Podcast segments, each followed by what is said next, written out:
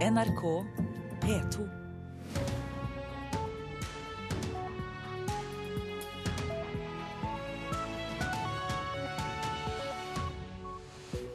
Dette er Nyhetsmorgen tirsdag 24. februar. Nå 6.30 er dette hovedsaker. Politiet fant bombeoppskrifter og bilder av ansatte i Politiets sikkerhetstjeneste da de etterforsket terrorsak. Fortsatt er ingen stilt til ansvar etter en av de verste dødsbrannene i Norge, da sju polske arbeidere omkom i Drammen. Butikkene vil overvåke oss mer. Handelsstanden i Oslo ber om å få beholde bilder fra overvåkningskameraer i to måneder før de slettes. Og Vi skal også høre at alle elever ved en skole i Kristiansand får gratis nettbrett. Det ser rektor Øystein Knutsen fram til. Vi skal begynne å bruke ting på en annen måte. Kombinere eh, tekst, eh, lyd, bilde. Eh, elevene lager sine egne bøker.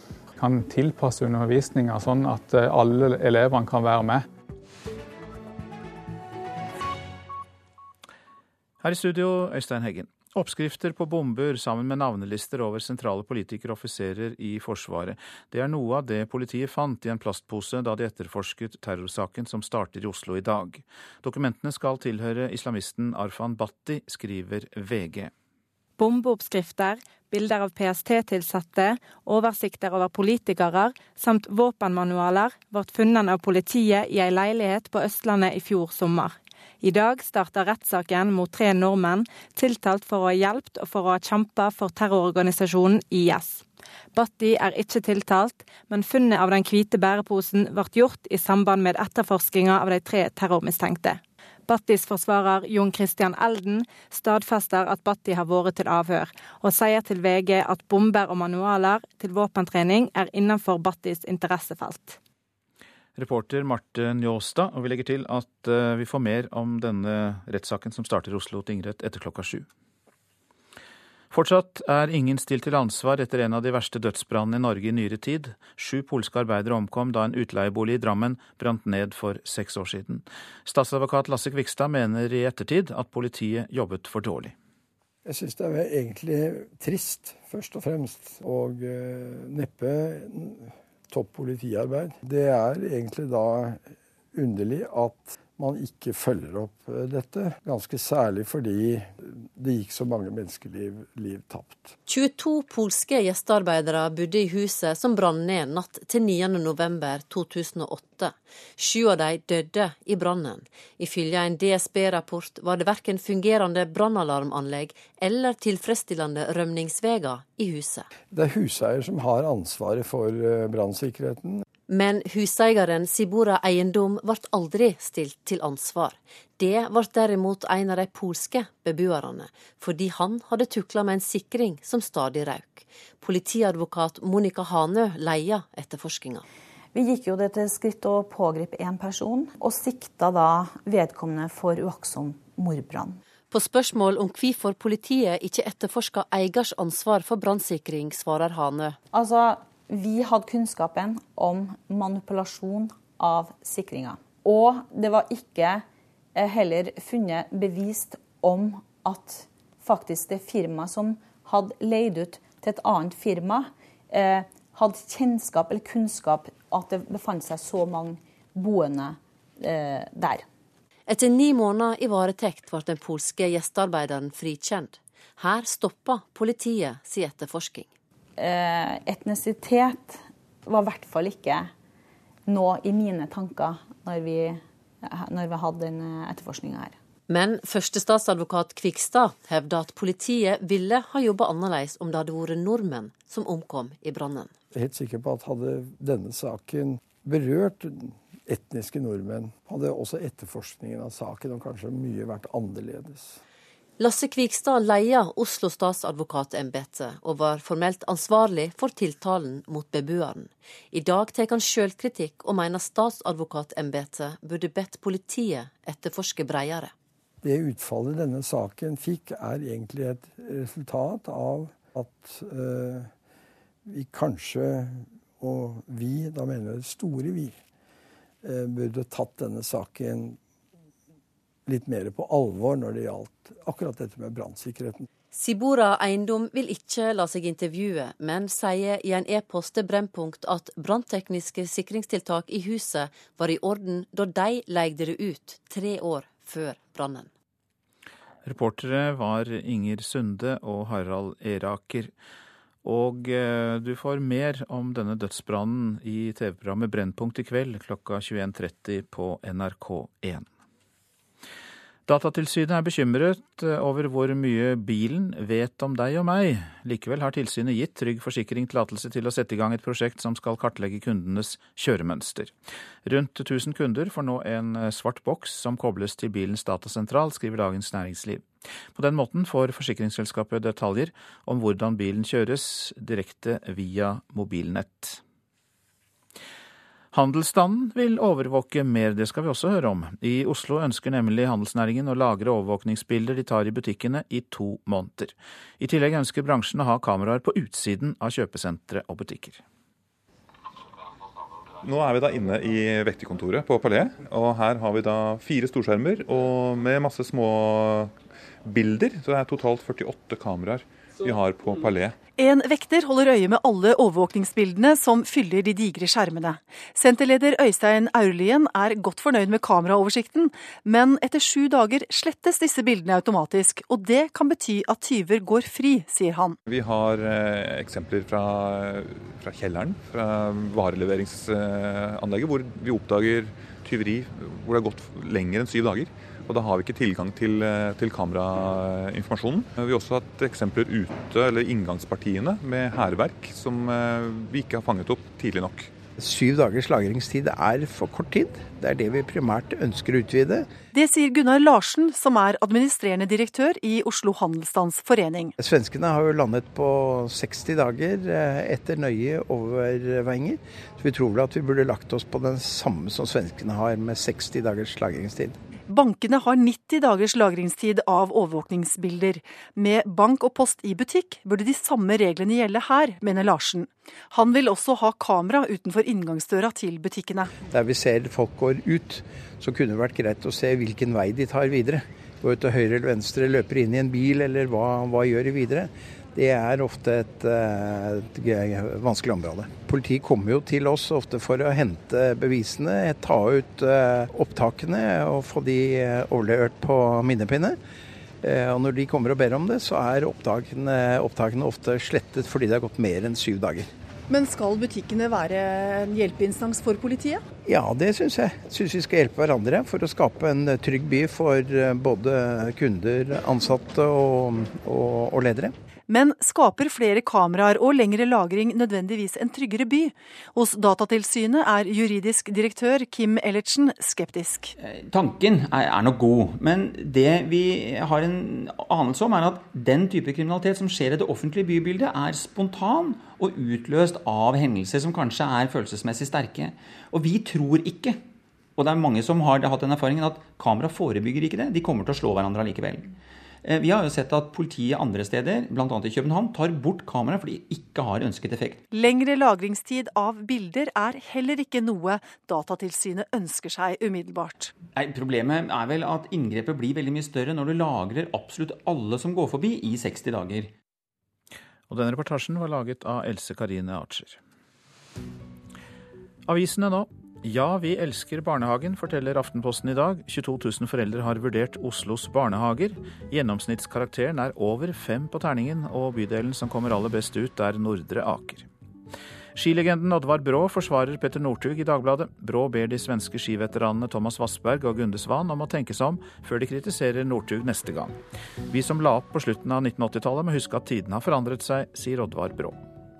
Dagens regjering ser dessverre ikke ut som et vinnerlag, sier investor Kristen Sveås til Dagens Næringsliv. Han anklager Venstre og Kristelig Folkeparti for å kaste egg og tomater på regjeringen, og sier at det Per Sandberg sier er tullball, slik at det er helt unødvendig å hisse seg opp over det. Sveås er en av de som har gitt penger til FrPs valgkamp. Landbruksminister Sylvi Listhaug blåste i priskontrollen og ga restauranten Flor og Fjære rett til å kjøpe et gardsbruk på Sørhidle i Rogaland for 1,7 millioner kroner over takst. Det skriver Nasjonen. Dermed må nabobruket trappe ned sauedriften fordi det mister beiteområder de har leid. Kristelig Folkeparti krever handling mot jødehat i Norge, kan vi lese i Vårt Land. Knut Arild Hareide fikk i går innspill fra forstander Ervin Kohn i Det mosaiske trossamfunn til en handlingsplan han vil at Stortinget skal ta stilling til for å bekjempe antisemittisme. Elevflukt fra kulturskolen er oppslaget i Klassekampen. Samtidig som snittprisen har økt med 25% har antall barn i kommunale kulturskoler gått ned med 8000. St. Olavs hospital i Trondheim truer med å starte sitt eget sykehjem hvis ikke kommunen klarer å ta imot pasienter som egentlig er utskrevet fra sykehuset. Det skriver Adresseavisen. Nå opptar slike pasienter 10% av sykehusets kapasitet. Man kan ikke la et medmenneske sitte i ei grøft i flere døgn, sier Geir Varvik til Nordlys. Han organiserte frivillige for å hjelpe litauiske Nerius Turauskas med å få vogntoget opp på veien igjen etter en utforkjøring i Djupvik i Troms. Varvik sørget også for mat, vann og kaffe til den uheldige litaueren, som sier han aldri mer skal kjøre på norske vinterveier fordi han er en for dårlig sjåfør.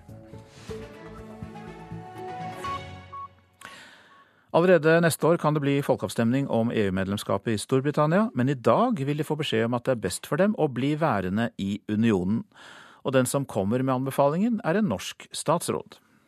He spends all of his time negotiating with his party about Europe when what he should be doing is the basic work of getting a better deal for Britain. EU og ikke minst Storbritannias forhold til unionen debatteres til stadighet, både på tvers av partigrensene, men særlig innad i det konservative regjeringspartiet til statsminister David Cameron.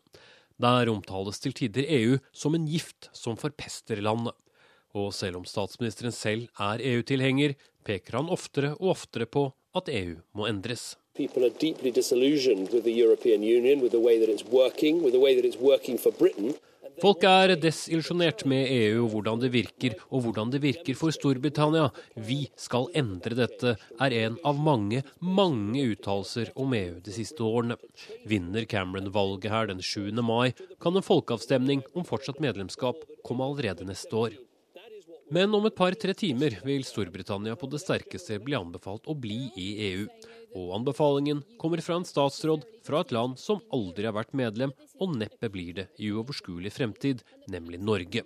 Og statsråd for EØS-saker og forholdet til EU, Vidar Helgesen. Han vil fortelle både ministre og andre her at Storbritannia vil miste sin innflytelse dersom landet forsvinner ut av EU. Hos den EU-vennlige organisasjonen British Influence skal han under foredraget hvorfor en som aldri har blitt med, mener vi aldri må melde oss ut, fortelle om norske frustrasjoner og vanskeligheter med å være på utsiden. Han vil advare britene mot å melde seg ut fra forhandlingsbordet. Likevel, mange EU-skeptiske briter bruker Norge som selve eksempelet på at det går utmerket å være utenfor EU og likevel nyte økonomisk fremgang. Men er det én ting statsminister David Cameron har slått fast for lengst, så er det at den norske løsningen er den absolutt dårligste betale enorme pengesummer, men ikke få bestemme noe som helst. Han vil i stedet presse EU til å desentralisere makten ut til medlemslandene igjen. På en meningsmåling før jul sa omtrent halvparten av britene at de vil stemme nei til fortsatt medlemskap. Det er uvisst hvor stor påvirkning en statsråd fra utenforlandet Norge vil ha. Espen Aas, London. Blaserte nordmenn kan lære av svenskene. Det mener landslagsledelsen i langrenn. I Norge forventes det gull hele tiden, mens svenskene jubler for sølv og bronse og setter pris på prestasjonene. Ifølge landslagstrener Kristiansen. Jeg tror absolutt det. og Det er som å verdsette gode prestasjoner og se bak resultatet. Det tror jeg er eh, Der tror vi faktisk har litt å lære. For eh, det er ikke bare å se på gull, sølv eller bronse. men å se hva som ligger bak, og hva som blir prestert. Jeg tror vi faktisk har litt å lære.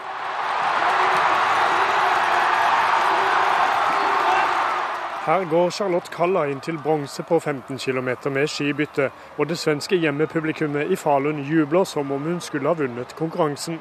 Slik er det ikke nødvendigvis i Norge, ifølge landslagssjef Vidar Løfshus. Det er mye som tyder på det at vi er litt plassert og tar det for gitt at vi skal bare innkassere gull etter gull. Det var ikke bare publikum som var kjempefornøyd med Kallas bronselørdag. Hovedpersonen selv strålte etter medaljeseremonien. Ja, jeg er kjempenøyd. Oppfordringen fra landslagsledelsen i Norge er altså at det norske folk må se på prestasjonene, og ikke bare valøren på medaljene. Dette jobber man med internt i landslaget, ifølge Egil Kristiansen. Vi prøver etter beste evne å koble bort dette her med medaljer, plasseringer og alt dette der. og det er jo så kjedelig som bare rakkeren, men det er gjør jobben vår, gjør arbeidsoppgavene. og Det er jo det vi har ja, vi har øvd på det ganske mye. At det er det som er viktig. Og reporter var Geir Elle. Der er klokka kvart på sju. Vi har disse hovedsakene i Nyhetsmorgen. Politiet fant bombeoppskrifter og bilder av ansatte i Politiets sikkerhetstjeneste da de etterforsket terrorsaken som åpner i Oslo tingrett i dag. Fortsatt er ingen stilt til ansvar etter en av de verste dødsbrannene i Norge i nyere tid, da sju polske arbeidere omkom i Drammen. Og butikkene vil overvåke oss mer. Handelsstanden i Oslo ber om å få beholde bilder fra overvåkningskameraer i to måneder før de slettes. Som en av de første skolene i landet gir Lindebøskaugen skole i Kristiansand nettbrett til alle elever. Kommunen vil nå vurdere om dette er fremtiden for flere skoler. Ja, altså I, i eskene så ligger det jo iPaden, og så er det ladere som, som er med. Rektoren på Lindebøskauen skole, Øystein Knutsen, har pakka opp over 200 nettbrett den siste uka. Eh, I tillegg så, så skal elevene ha et eh, tastatur. De er den første skolen i Kristiansand der alle elever og lærere får hvert sitt nettbrett. Det er et prosjekt de har tatt initiativ til sjøl, men får støtte fra oppvekstdirektøren i Kristiansand kommune. Pedagogisk IT-rådgiver hos oppvekstdirektøren, Ole Vångraven, sier dette kan ses på som et prøveprosjekt på hvordan IKT-opplæringa kan foregå i framtida. Eh, de erfaringene som eh, Lindebøskøen eh, nå gjør, de må vi ta, ta, med inn i diskusjonen videre. Hvordan elever i Kristiansand-skolen skal få på plass den femte grunnleggende ferdigheten, nemlig IKT-ferdigheten. Det som er ekstra spennende her, det er den én-til-én på hele, hele linja. Eh, om det blir nettbrett, eller om det blir laptops eller andre, andre teknologiske løsninger, det, det, må vi jo ta med og diskutere videre. Eh, for Det som vi tenker er jo at eh, vi skal begynne å jobbe på en ny måte. Det er ikke sånn at vi skal bare skrive på en ny skrivemaskin, men vi skal begynne å bruke ting på en annen måte. Kombinere tekst, lyd, bilde og lage produkter ut av det. Lage lærebøker. Eh, elevene lager sine egne bøker. Hos elevene Emma Ekberg og Philip Emanuel Jackson faller det nye verktøyet godt i smak. Mm, det er egentlig gøyere enn å skrive, fordi at eh, ja, du får på en måte prøvd litt undervisning på en annen måte. I RLN i dag så skulle vi lage bare en sånn liten bok om hinduismen, så det var veldig gøy, bare for å prøve. Du har mer muligheter. Det er ja, flere verktøy å bruke enn bare boka. Altså, de kan bruke den, eh, eller skal jo bruke den på skolen, skal bruke den til lekser og ha den med seg hjem. Eh, men de kan også laste inn egne programmer. Det eneste med begrensning er at det skal være plass til det vi skal gjøre på skolen. Rektoren har klare mål for innføringa av de nye nettbrettene. Vi håper å oppnå mer elevaktivitet. Eh, aktive elever i timene. Og det at vi kan tilpasse undervisninga sånn at alle elevene kan være med. Så kan jeg f.eks lage ei Jeg kan enten velge den eller den. I den sammenhengen nå her, så er det ett fett hva jeg velger. I norsken i dag så skulle vi lage sånn fortellingfilm på en måte. Og det ser veldig gøy ut, så det gleder jeg meg til å bruke mer. Reporter Silje Solbakken. Nå har vi koblet oss opp til studio i Kristiansand. God morgen, Sylfest Lomheim. God morgen. Du er professor ved Universitetet i Agder, og vi kan jo legge til både samfunnsdebattant og bidragsyter til P2-programmet Språkteigen. Ja, er nettbrettene i skolen et verktøy som gjør det lettere å lære, eller et verktøy som står i veien for læring? Det kan være begge deler, trolig. Og det er det som er det viktige å holde fast i tanken. Eh, jeg hører jo at de ser på dette som spennende, og de kan leike seg til eh, å lage sine egne lærebøker, og det er så mye som de kan gjøre med nettbrettet i klasserommet. Jeg tviler ikke. Men det forteller meg òg at eh, de blander nok sammen. De er ansvarlige for dette, hva som er middel og hva som er mål. Målet kan jo ikke være å ha det verken spennende eller at de kan lage liksom sine egne lærebøker i skolestova. Eh, er det det som er målet med utdanninga? Jeg vil jo si men nei. Eh, målet må jo være å ha dugleik, altså ferdighet og kunnskap. Og der kan jeg ikke se at nettbrettet kan garantere det på noen måte. Det, Det er et eh, middel til å um, kanskje lære noe, men det er ingen garanti for å lære noe som helst. Men samtidig så er jo vår verden i dag eh, veldig preget av både tekst, lyd og bilde mer enn noen gang, slik at man kanskje er nødt til å integrere dette i et nettbrett for å få med seg elevene og få dem til å lære til syvende og sist? Ja, da vil jeg svare som det heter i moderne norsk. You bet. Det er faktisk akkurat slik det er at uh, vår tid på 2000-tallet er prega av teknologi, og det er klart at elever, vi alle, er jo uh, tvinga til å forholde oss til teknologien, og vi må ha ei viss mestring av teknologien. Men teknologi i seg sjølv gir verken klokskap, kunnskap, innsikt eller noe som helst. Det kjem alltid an på hvordan det blir brukt. Og det er det store spørsmålet. Jeg syns at kunnskapsminister Røe Isaksen han imponerte meg nå siste veke, for han har jo nå gått kraftig ut og sagt at dette målet som Stortinget satte opp for snart ti år siden, om at Norge skulle bli leiende i verden når det gjaldt bruk av PC i klasserommet, fordi at vi skulle jo gjøre det bedre på internasjonale målinger av hvor flinke elevene var. Og Norge vart best i verden når det gjaldt bruk av PC, og vi gikk nedover på lista over hvor flinke elevene var i skolen. Så det er altså ingen sammenheng mellom bruk av teknologi og det å være flink og kunnskapsrik. Hva har du selv registrert, for du har jo undervist eh, mange studenter. Hva med deres skriftlige fremstillingsevne? Den eh, går nedover, rett og slett. Og det lar seg ikke eh, avfeie med at det er synsing av eh, Lomheim. Det er noe av det aller enkleste å dokumentere rent faktisk at studenter i 2015, når de skal skrive norsk, skriver dårligere norsk enn for ti år siden. For å ikke snakke om for 40-50 år siden, da de lærte å skrive norsk i skolen. Takk skal du ha for dette innspillet, Sylfest Lomheim, som er professor ved Universitetet i eh, Agder. Fabrikkarbeidere i India som syr klær for norske kleskjeder som Dressmann og Cubus, jobber under uverdige forhold. Det kommer fram i en rapport fra Fremtiden i våre hender. Ansatte forteller at de blir nektet å fagorganisere seg, blir nektet toalettbesøk og får en lønn det ikke går an å leve av. Det viktigste er at eh, man eh, går vekk fra alt som heter minstelønn og snakker om en levelønn, og sier at eh, alle arbeiderne som jobber for Warner på sine fabrikker, skal eh, ha en lønn å leve av. Lønnsnivået er bare ett av de uverdige forholdene de ansatte forteller om i rapporten fra Fremtiden i våre hender, som daglig leder Arild Hermstad presenterer i dag. Sammen med den indiske organisasjonen Cividep har de intervjuet arbeidere ved flere fabrikker. En av dem utenfor Bangalore produserer klær for norske Warner-gruppen. Selskapet eier kleskjeder som Bikbok, Vivikes, Dressmann og Kubus.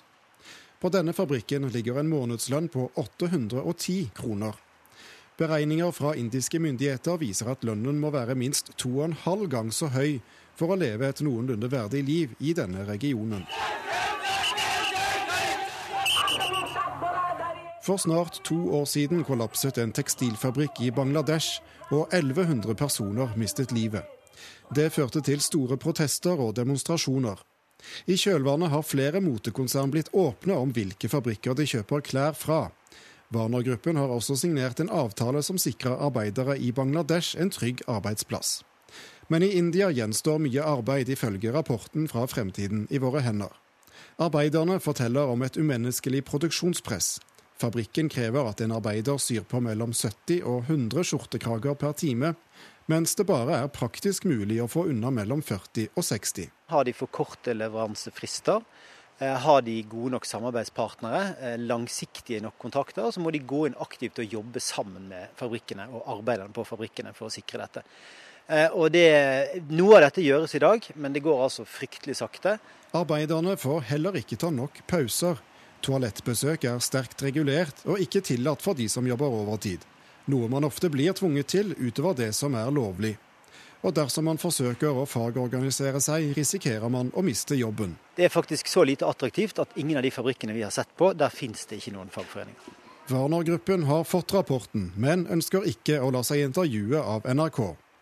I en e-post skriver pressekontakt Julie Eckhart at beskrivelsene i rapporten ikke er i tråd med kravene Warner stiller til sine leverandører.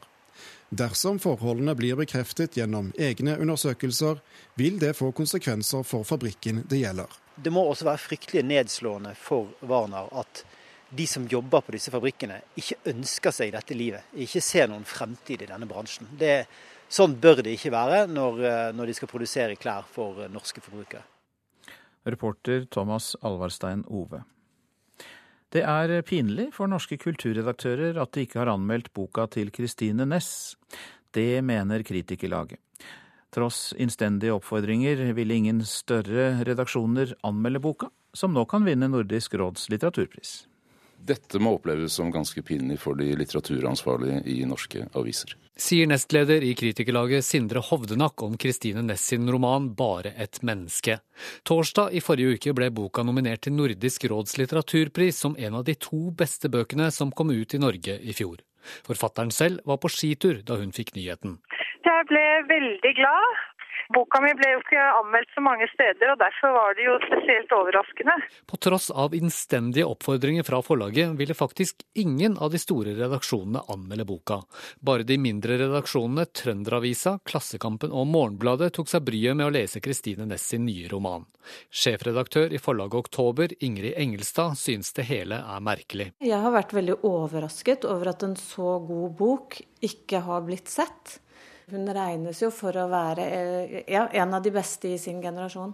Når vi ikke har anmeldt en bok som er nominert til Nordisk råd, så er jeg jo enig i at det sannsynligvis er en forbigåelse fra vår side. Sier Sara Sørheim, som er kulturredaktør i Aftenposten. Så den smekken, den, eh, den tar jeg imot. Eh, jeg syns det er fryktelig trist at vi ikke har anmeldt denne boken. Sier Arild Jonsjord, som er ansvarlig for å velge ut hvilke bøker som skal anmeldes i NRK. Han mener likevel forlaget selv må ta skylden for at Ness sin prisnominerte bok ble oversett. Jeg må sende ballen tilbake til forlagene, altså. som klumper sammen utgivelsene sine i løpet av noen få uker om høsten. Og da må vi bare ta de vi føler vi må anmelde. da. Som jeg husker Forlaget Oktober ga ut denne ganske nøyaktig samtidig med Miriam Christensen og Kjersti Andesdatter Skomsvold, som vi syntes vi måtte anmelde. Men det er nettopp her problemet ligger, påpeker Hovdenak i Kritikerlaget. For hvor mange anmeldelser av Kristiansson og Annesdatter Skomsvold trenger vi egentlig? Jeg synes vel ærlig talt det virker som om norske kulturredaktører eh, løper i flokk og anmelder de samme bøkene på det samme tidspunkt, i stedet for selv å ta et ansvar for å finne fram til eh, nye og mer ukjente stemmer som man vil vise fram. Jeg er ikke enig i at vi løper i flokk. Det er ikke sånn det fungerer. Vi gjør våre egne vurderinger. Sier Aftenpostens kulturredaktør. Men hele bokbransjen og hele industrien er ekstremt retta inn mot noen få utgivelser. Og Petter Sommer var reporter her. Værvarselet nå. Fjell i Sør-Norge først. Kuling utsatte steder. Snøbyger, men få byger nord for Langfjella. Østland og Telemark på kysten liten kuling. Fra i ettermiddag stiv kuling. For det meste skyet vær. Snø eller haglbyger kan forekomme, og regn nær kysten. Agder på kysten av og til stiv kuling. For det meste skyet vær. Også der regn og haglbyger etter hvert. Snø over 300 meter. Og utrygt for eh, torden. Vestlandet sør for Stad. Sørøst stiv og til dels sterk kuling utsatte steder. I kveld sørlig liten kuling. Stiv kuling sør for Boknafjorden. Regnbyger, snø over 400 meter og utrygt for torden. Møre og Romsdal og Trøndelag sørøst liten kuling utsatte steder. Oppholdsvær og perioder med sol, til og med. Nordland sørlig liten kuling utsatte steder. I kveld stiv kuling i Lofoten. Enkelte sluddbyger. Etter hvert oppholdsvær og perioder med sol sør i Nordland. I kveld oppholdsvær også nord i fylket. Troms sørøstlig liten kuling utsatte steder. Spredt snø. I kveld snøbyger. Finnmark sørøstlig stiv kuling utsatte steder. I ettermiddag litt minkende. Det blir spredt snø. Og Nordensjøland på Spitsbergen får østlig sterk kuling utsatte steder. Det blir litt snø og snøfokk. Så var det temperaturene, og disse ble målt klokka fire i natt. Svalbard lufthavn minus 13, Kirkenes minus 6, Varde minus 1, Alta pluss 1, Tromsø-Langnes pluss 2. Bodø og Brønnøysund begge pluss 3, Trondheim-Værnes pluss 2, Molde pluss 1 grad. Bergen-Flesland pluss tre, det samme i Stavanger, pluss tre grader altså. Kristiansand-Kjevik fire. Gardermoen én grad, Lillehammer én grad, Røros minus én. og Oslo-Blindern pluss to.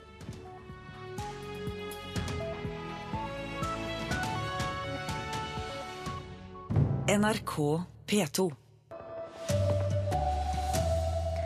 Nye krav gjør det for vanskelig å bli norsk statsborger, mener flere. Ingen er stilt til ansvar etter at sju mennesker omkom i en av de verste dødsbrannene i Norge i nyere tid. Her er NRK Dagsnytt klokka sju.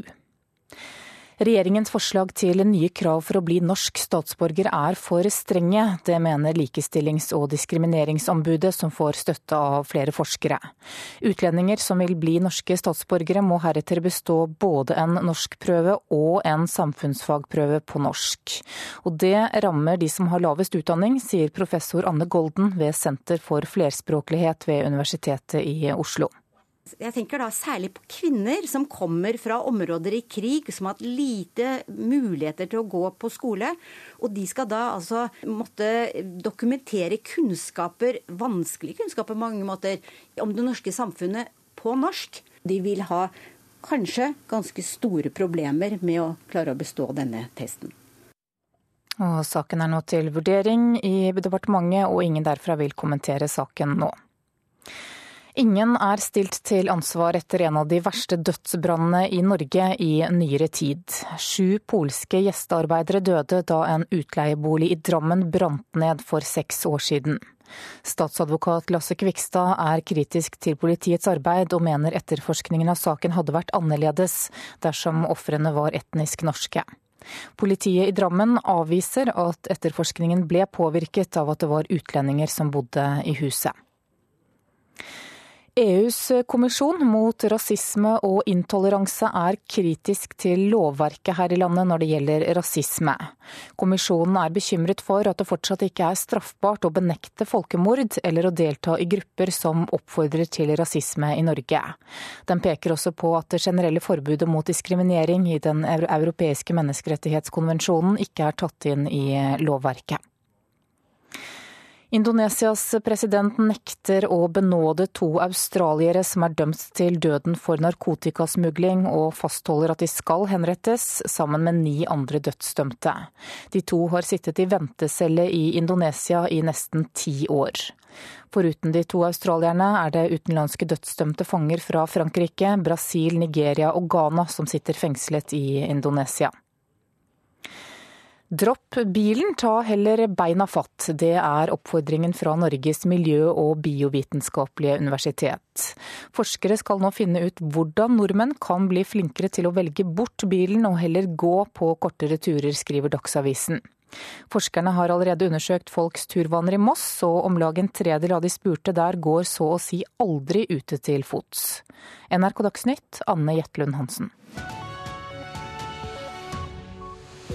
Her i Nyhetsmorgen får du mer om de høye kravene til statsborgerskap. I forbindelse med etterforskningen av terrorsaken som starter i Oslo tingrett i dag, fant politiet bombeoppskrifter og bilder av ansatte i Politiets sikkerhetstjeneste. Greske hus kan komme på billigsalg dersom Hellas forlater euroen. Og vi må unngå et gullrush etter fisk i Antarktis. Det sier utenriksminister Børge Brende. Ja, vi hørte det i Dagsnytt. Regjeringens forslag til nye krav for å bli norsk statsborger er for strenge, mener Likestillings- og diskrimineringsombudet, som får støtte av mange forskere. Utlendinger som vil bli norske statsborgere, må heretter bestå både en norskprøve og en samfunnsfagprøve på norsk. Og Camilla Dubrona fra Kosovo har gått flere år på kurs, men syns norsk er vanskelig. Ja, vanskelig å lære nytt språk. Norsk. Veldig vanskelig. Til meg. Kanskje ikke til alle, men til meg er det vanskelig.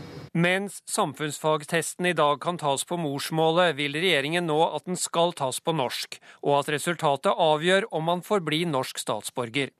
Et rimelig krav, syns FrPs innvandringspolitiske talsmann Mashiar Keshvari. Og Når man ser på utformingen av disse testene, så er det jo ikke akkurat veldig komplisert og vanskelig spørsmål. Ble Norge et fritt og selvstendig land i 1814, 1905 eller 1940? Og at man behersker den kunnskapen og kan svare på norsk, det syns vi er et minste kriterium for å kunne bli norsk statsborger. Nei, dette er for vanskelig å forstå for mange, sier professor Anne Golden ved Senter for flerspråklighet ved Universitetet i Oslo. Jeg tenker da særlig på kvinner som kommer fra områder i krig, som har hatt lite muligheter til å gå på skole. Og de skal da altså måtte dokumentere kunnskaper, vanskelige kunnskaper på mange måter, om det norske samfunnet på norsk. De vil ha kanskje ganske store problemer med å klare å bestå denne testen. Også Likestillings- og diskrimineringsombudet reagerer. Blant annet må undervisningen bli bedre, sier avdelingsleder Guri Hestflot Gabrielsen. Da tenker vi på at de må få flere år på seg til å gjennomføre ordninga, og at må være pedagogisk tilpasset dem. Og Vox, fagorganet som lager testene, mener endringen blir dyr og byråkratisk, og kan føre til at mange med permanent opphold i Norge ikke får statsborgerskap. Camilla, som har bodd her i seks år, blir gjerne norsk statsborger hvis hun får lov. Jeg vil fordi jeg bor her. Statsborgeren her til Norge. Men, men, Blir det vanskelig for deg, tror du, å klare den prøven? Litt vanskelig for meg. Jeg forstår litt ikke så mye norsk. Og Saken er til vurdering i Barne-, likestillings- og inkluderingsdepartementet, og de vil derfor ikke kommentere den nå. Og eh, du kan eh, prøve å ta hele statsborgertesten selv. Det kan du gjøre på våre nettsider nrk.no. Reporter var Tom Ingebrigtsen. Men vi går litt videre med samme sak. Bjørg Ilebekk, god morgen til deg. Hei. Du er avdelingsdirektør i Vox, som er det offentlige fagorganet som da bl.a. lager disse testene. Og eh, som vi hørte i innslaget, dere er kritiske til eh, dette forslaget. Hvorfor det?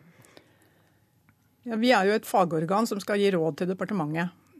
Eh, og på dette området så mener vi at det kan bli en dårligere integrering vi mener at det, det, som allerede er reglene nå, nemlig at de fleste innvandrere har plikt til å ta norskopplæring, og opplæring i samfunnskunnskap, at det fremmer eh, målet om integrering bedre.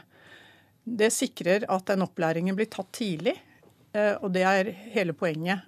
Og hvis den skal tas tidlig, opplæringen i samfunnskunnskap, så må den gis på et språk innvandreren forstår godt. De skal lære om både sosiale, kulturelle og politiske forhold. De skal lære om plikter og rettigheter i samfunnet, og hvordan eh, Norge er bygget opp som en demokratisk eh, nasjon. Det er mer abstrakt og generelle eh, kunnskaper som, som, du faktisk trenger å, å, forstå. Og når de da har liten kunnskap i norsk, når de har kommet hit tidlig, så vil de ikke kunne eh, tilegne seg den kunnskapen godt.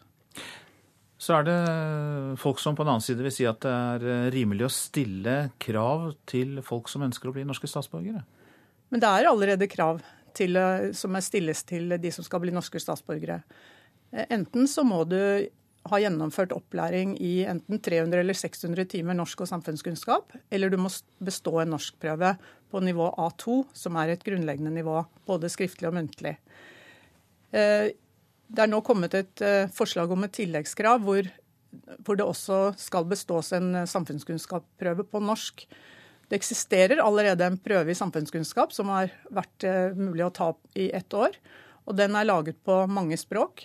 Og nettopp for å gjøre det slik at kommunene blir stimulert til å gi opplæring tidlig, og at innvandreren tilegner seg disse kunnskapene tidlig. Hvem av disse innvandrerne er det da dette skjerpede forslaget først og fremst vil ramme? Altså, vi vet jo at uh, de som søker norsk statsborgerskap, er, uh, i overveiende grad er fra flyktninggruppen og fra gruppen med fam familiegjenforente til flyktninger og til norske statsborgere. Uh, de er allerede omfattet av plikten til å ta opplæring. I tillegg så er det jo, et, eh, er det jo kommet eh, et forslag om at de som er mellom 55 og 67 år, som tidligere ikke har vært omfattet av dette, de vil også bli omfattet. Du eh, nevnte også at det vil ta lengre tid å få integrert folk gjennom de høyere kravene for å få statsborgerskap. Hvorfor det? Det er noe vi frykter i hvert fall. Fordi at vi mener at det å komme i gang med den opplæringen tidlig er veldig viktig for integreringen. Altså man blir eh, Man tilegner seg kunnskaper tidlig om samfunnet. Eh, og ikke venter til man kan så mye norsk at man eh, lærer det på norsk. Og da vil man kanskje heller ikke få den dype forståelsen. Sånn at slik det er nå, så er kommunene de, det er vanskelig for kommunene å tilby den opplæringen på et språk innvandreren forstår godt. Det kan være vanskelig å skaffe lærere, f.eks. Og vi er da redd for at den motivasjonen til kommunen blir svekket til å gi den opplæringen tidlig og til å skaffe de lærerne, sånn at de faktisk tilegner seg den kunnskapen. Takk skal du ha, Bjørg Gilbekk, som altså er avdelingsdirektør i Vox, det offentlige fagorganet som bl.a. lager slike tester. I dag begynner rettssaken der den nye terrorloven fra 2013 skal prøves for første gang. Tre norske statsborgere møter i Oslo tingrett tiltalt for å ha deltatt i terrororganisasjonen IS og støttet den. Forsvarerne deres vil gjøre et poeng ut av at de to tiltalte allerede var i Syria da den nye terrorloven kom. Glidelåser åpnes på store trillekofferter, og tunge dokumentpermer settes på plass i hyllene. Vi er i rettslokalet hvor tre menn mellom 25 og 30 år i dag skal møtes, tiltalt for å ha brutt norsk terrorlov, noe de selv nekter for. Politiets sikkerhetstjeneste mener to av dem skal ha deltatt i IS sine terrorhandlinger i Syria og Irak, mens en tredje skal ha prøvd å sende krigsutstyr til sin bror i Syria. Broren ble senere drept der. Den nye terrorloven kom i juni 2013, og Fredrik Skjøne Brodvald, som forsvarer en av de tre, en norsk-somalsk 30-åring, mener nettopp tidsrommet blir sentralt. Det spesielle med denne saken er jo det at eh, min klient eh, var i området Syria før denne bestemmelsen trådte i kraft. Eh, så det vil jo være en, en prinsipielt og rettslig spørsmål som må avklares av retten. På hvilken måte? Eh, hvorvidt eh, dette skal få anvendelse på en person som da har vært i et område eh, utenfor Norge når en bestemmelse har trådt i kraft. Også Svein Holden, som forsvarer en 28 år gammel norskalbaner, tror dette blir viktig. Det er klart at det vil være et betydningsfullt område for oss. Situasjonen i dag er på mange måter veldig forskjellig fra det den var da min klient var der. Og hva som til slutt blir avgjørelsen etter denne første prøvelsen i retten, vil få betydning videre, sier Holden. I og med at eh, de sentrale vilkårene i lovteksten ikke har vært eh, vurdert av en domstol tidligere, så vil jeg vel si at dette er eh, meget prinsipielt og viktig. Verken PST eller aktor ønsker å kommentere saken før den starter i dag. Reportere Ellen Borge Christoffersen og Olav Døvik. Og vi legger til at ifølge VG fant politiet oppskrifter på bomber og navnelister på sentrale politikere, offiserer og ansatte i Forsvarsdepartementet da de etterforsket denne saken. Dokumentene skal tilhøre islamisten Arfan Bhatti, ifølge VG, altså. Lars Akkerhaug, du er journalist og forfatter av boka Norsk jihad, og eh, du er med oss nå. Prinsipiell og viktig sak, hørte vi en av forsvarerne si her, Svein Holden. Er du enig? Ja, selv om det har vært eh, andre saker som har dreid seg om støtte til terror eh, for retten tidligere, så er det en, en viktig sak eh, og en prinsipiell sak. Også fordi vi de siste årene har hatt fremveksten av et radikalt islamistisk miljø i Norge som støtter islamsk stat og Al Qaida, og som gjerne reiser, og som har, reist, har hatt en stor reisevirksomhet til Syria og Irak de siste årene. Vi bør vel legge til at du er med oss hjemmefra. Det kan vel kanskje de fleste lytterne få med seg av eh, barn i bakgrunnen. Eh, men eh, Akkerhaug, hvilken betydning kan da denne saken få for andre tilfeller av syriafarere? Det er klart at Hvis det nå blir domfellelse i denne saken, så tror jeg nok det vil føre til at uh, Politiets sikkerhetstjeneste uh, kanskje vil senke terskelen noe for hvilke eh, saker de tar ut, de går videre med, og, og, hvor statsadvokaten ender opp med å ta ut tiltale. Jeg tror nok også at PST bruker denne saken som en prøvesten. Og hvis det ikke skulle bli domfellelse, så ser jeg heller ikke bort ifra at PST kommer til å etterlyse et uh, strengere lovverk. Mm. Uh, hva vet du om de tre tiltalte som uh, da blir stilt for retten i dag? Jeg har ikke lyst til å gå så veldig i detalj, men det er klart at to av disse tiltalte er jo fra en familie i, i Bærum.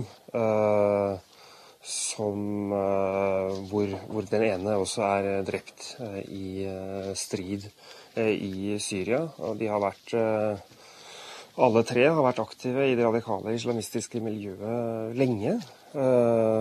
avdøde allerede fra 2010.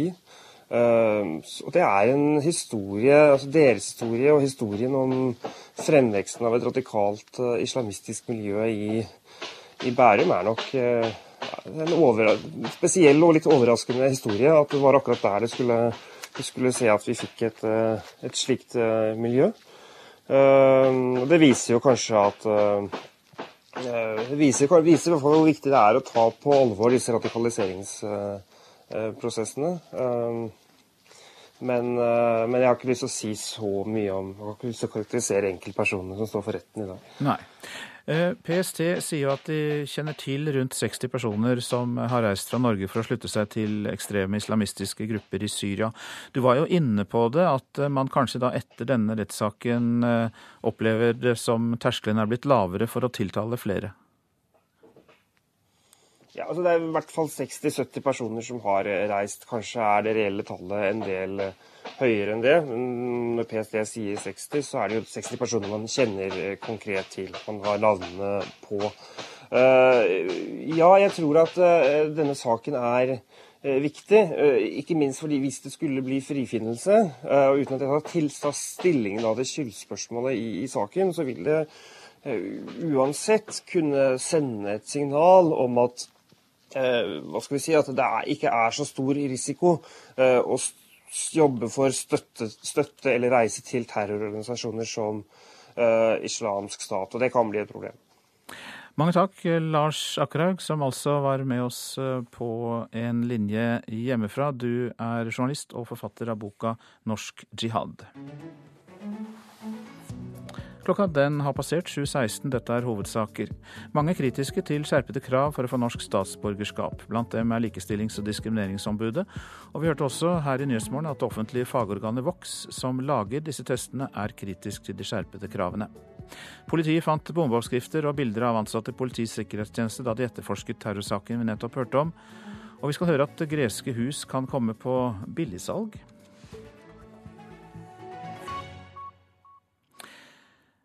En ny og endelig gjeldsavtale mellom Hellas og eurosonen er utsatt igjen. Mange tror fortsatt at Hellas kan bli nødt til å droppe euroen. Og i så fall vil greske hus og ferieleiligheter stupe i pris. Da står mange eksilgrekere klare til å kjøpe, tror Jannis Aliferis.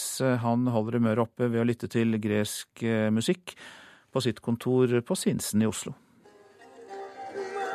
flott sang som min niese pleier å synge, for jeg har en niese som var veldig kjent sangerinne i Hellas. Så da kommer du litt gresk stemning på jobben også? Ja, det er hyggelig det, for da føler man seg litt um, lettet av å være borte fra hjemmelandet. Jeg er ekstra glad. Jannis Aliferis er norsk-greker på det 29. året. Omgitt av musikk og blåhvite bilder fra moderlandet håper han i det lengste at Hellas ikke tar en såkalt grexit og forlater eurosonen. Ikke bare håper, men jeg er 99 sikker at det blir en del av det. Like fullt, mange økonomer mener faren for en grexit fortsatt er stor. I så fall, sier 58-åringen, vil mange eksilgrekere investere i hjemlandet. Det kommer vi til å gjøre, så da helt sikkert også mange andre nordmenn kommer til å benytte anledningen til å kjøpe en flott feriested i Hellas for billig penger allerede er det sånn at eh, eiendom i Hellas har blitt eh, nesten 60% billigere enn det var for eh, seks-syv år siden. Også sjeføkonom Elisabeth Holvik i Sparebank1 tror grekerne i utlandet vil handle om Hellas gjeninnfører drakmer. Mange grekere med penger og formue har jo allerede flytta dem ut av Hellas. Så når det blir, eller hvis det blir, gå tilbake til en egen valuta i Hellas, så vil jo den svekke seg kraftig. Og Det er jo hele poenget med å tiltrekke seg investeringer fra utlandet. Og Mange nordmenn eh, liker jo å feriere i Hellas òg? Ja, både at det blir billig å reise dit, og at en kan kjøpe rimelige leiligheter der etter en grexit. Og grexit er relativt sannsynlig, sier Holvik. Dette er jo en eh, krise som vil eh, hangle videre. og Problemet er jo at de har en felles valuta som absolutt ikke passer gresk økonomi. Også sjeføkonom Jan Andreassen i Eika-gruppen er i tvil om Hellas og eurosonen er naturlige synonymord. Det er klart Hvis eh, Hellas går ut av eh, eurosonen, så blir det mye eiendom som vil falle kraftig i verdi. Spørsmålet er om disse rike eksilgrekerne vil investere i et venstreledet Hellas utenfor euroland. Det er jo et stort spørsmål i tiden fremover. Men Aliferis på Sinsen, som også leder den greske foreningen i Norge, har fortsatt fremtidstro. Jeg tror Hellas eh, om ti år er eh, en del av Europa som eh, en euroland. Vi blir igjen et bra sted til å leve og ikke minst feriere for våre kjære nordmenn. Og denne reportasjen var laget av Sindre Heierdal. Kenyas regjering ville innføre strenge antiterrorlover. Pressefolk kunne risikere tre års fengsel for å skrive om terrorisme, og Kenya ville forsøke å sende ut de fleste flyktningene fra landet. Men i går nektet Høyesterett å godkjenne de nye antiterrorlovene. For under Articles 33 and 34 of the. Dommer Isak Lenaola leser opp Høyesteretts avgjørelse. Regjeringens antiterrorlov ribbes for vesentlige paragrafer del for del. Domstolens begrunnelse er at lovene som skulle kneble pressen, strider mot landets demokratiske konstitusjon, og internasjonale forpliktelser hindrer landet i å sette et tak på antall flyktninger. Vi pressefolk skulle hindres i å intervjue terrorofre og publisere stoff som kunne vekke frykt. Lovene møtte stor motstand i parlamentet da de ble vedtatt i desember i fjor. Opposisjonen rev loven i fillebiter, og det snødde papir over politikerne. Men i går ble de mest omstridte delene erklært ulovlig, selv om sikkerhetsstyrkene fremdeles skal få gjennomføre dekkoperasjoner og terrormistenkte får dårligere rettsvern. Pressen og borgerrettighetsaktivister er strålende fornøyde i dag. Det er også opposisjonen. The freedoms that Kenyans fought for, shed blood, lost lives, are vi ville aldri gi fra oss rettigheter vi har kjempet og blødd for, sa Moses Vetagula, lederen for et av opposisjonspartiene. Mens regjeringen viser til at 64 uskyldige ble drept av terrororganisasjonen Al Shabaab i nordøst i fjor, og at rundt 70 ble drept i terrorangrepet mot kjøpesenteret Westgate for halvannet år siden.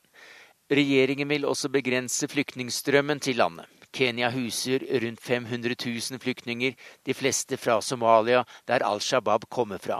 Og regjeringen frykter at Al Shabaab får rekruttere fra disse leirene. Sverre Tom Radøy, Nairobi. Vi må unngå et gullrush etter fisk i Antarktis. Ja, det sa utenriksminister Børge Brende etter at han åpnet et Antarktisseminar i Sydney i Australia i dag morges. Både Norge og Australia legger fram meldinger om ny antarktispolitikk i år, men Brende mener Australia og Norge samarbeider og ikke konkurrerer om marine ressurser på Sydpolen. Det vi må greie å forsikre oss om, er at utnytting av de marine ressursene, så mye dreier seg om krill eh, og andre ressurser, at det eh, blir utnytta med basis i en internasjonal enighet, eh, og at de kvotene skal være bærekraftig, fastsatt av forskerne. Og situasjonen i dag er jo sånn at de kvotene som settes, faktisk ikke blir utnytta. Eh, man tar ikke ut så mye som man kunne. Eh, så det er vel ikke noe umiddelbare tegn på noe gullrush, men det gullrushet må jo unngås i fremtida hvis man skal bevare det som et område hvor miljøet settes først. Både Norge og Australia er skjønt enig i at Antarktis ikke skal militariseres og aldri åpnes for oljeutvinning. Men i jakten på de enorme fiskeriressursene ved Sydpolen kan det i fremtiden bli trangt om plassen. Her i Sydney deltok også flere norske fiskeriselskaper på det norsk-australske seminaret om antarktisforvaltning. Elisabeth Røkke fra Aker Biomarin overrakte 3,5 millioner kroner til forskning på bærekraftig utnyttelse av fiskeriressursene. Og Aker Marin har investert veldig mye i eh, krillfiskeriet. Vi satser bare i år 60 millioner kroner på forskning, og dette fondet er med på denne satsingen på forskning. Også Australias miljøvernminister Greg Hunt understreker at han ikke ser noe kappløp om Sørpolens store fiskeressurser. I mean, we both uh, recognize and respect each other's territorial areas. I think uh, what's happened here Vi anerkjenner og respekterer hverandres territorielle områder i Antarktis. Og det som skjer nå, er at Norge og Australia begge ser på hvordan vi kan forvalte Antarktis 20 år fremover i tid. Antarktis er i dag verdens største og best bevarte villmark. Det er det tørreste kontinentet eh, på jorda. Og vi har jo bred enighet om at det skal bare brukes eh, i fredelig sammenheng og ingen mineralutnyttelse eh, på Antarktis. Og det er en videreføring av den eh, politikken er viktig. Utenriksminister Børge Brende til korrespondent Peter Svaar, og det var altså en rapport vi fikk inn fra Sydney i Australia. Så til eh, avisene. Ja, vi elsker barnehagen, forteller Aftenposten i dag. 22 000 foreldre har vurdert Oslos barnehager. Gjennomsnittskarakteren er over fem på terningen, og bydelen som kommer aller best ut, er Nordre Aker. Skilegenden Oddvar Brå forsvarer Petter Northug i Dagbladet. Brå ber de svenske skiveteranene Thomas Vassberg og Gunde Svan om å tenke seg om før de kritiserer Northug neste gang. Vi som la opp på slutten av 1980-tallet må huske at tidene har forandret seg, sier Oddvar Brå. Dagens regjering ser dessverre ikke ut som et vinnerlag, sier investor Kristen Sveås til Dagens Næringsliv. Han anklager Venstre og Kristelig Folkeparti for å kaste egg og tomater på regjeringen, og sier at det Per Sandberg sier er tullball, slik at det er helt unødvendig å hisse seg opp over det. Sveås er en av de som har gitt penger til FrPs valgkamp. Landbruksminister Sylvi Listhaug blåste i priskontrollen og ga restauranten Flor og Fjære rett til å kjøpe et gardsbruk på Sørhidle i Rogaland for 1,7 millioner kroner over takst, skriver Nasjonen. Dermed må nabobruket trappe ned sauedriften fordi de mister beiteområder de har leid. Kristelig Folkeparti krever handling mot jødehat i Norge, kan vi lese i Vårt Land. Knut Arild Hareide fikk i går innspill fra forstander Ervin Kohn i Det mosaiske trossamfunn innspill til en handlingsplan som han vil at Stortinget skal eh, ta stilling til. Elevflukt fra kulturskolen er oppslaget i Klassekampen. Samtidig som snittprisen har økt med 25% har antall barn i kommunale kulturskoler gått ned med 8000.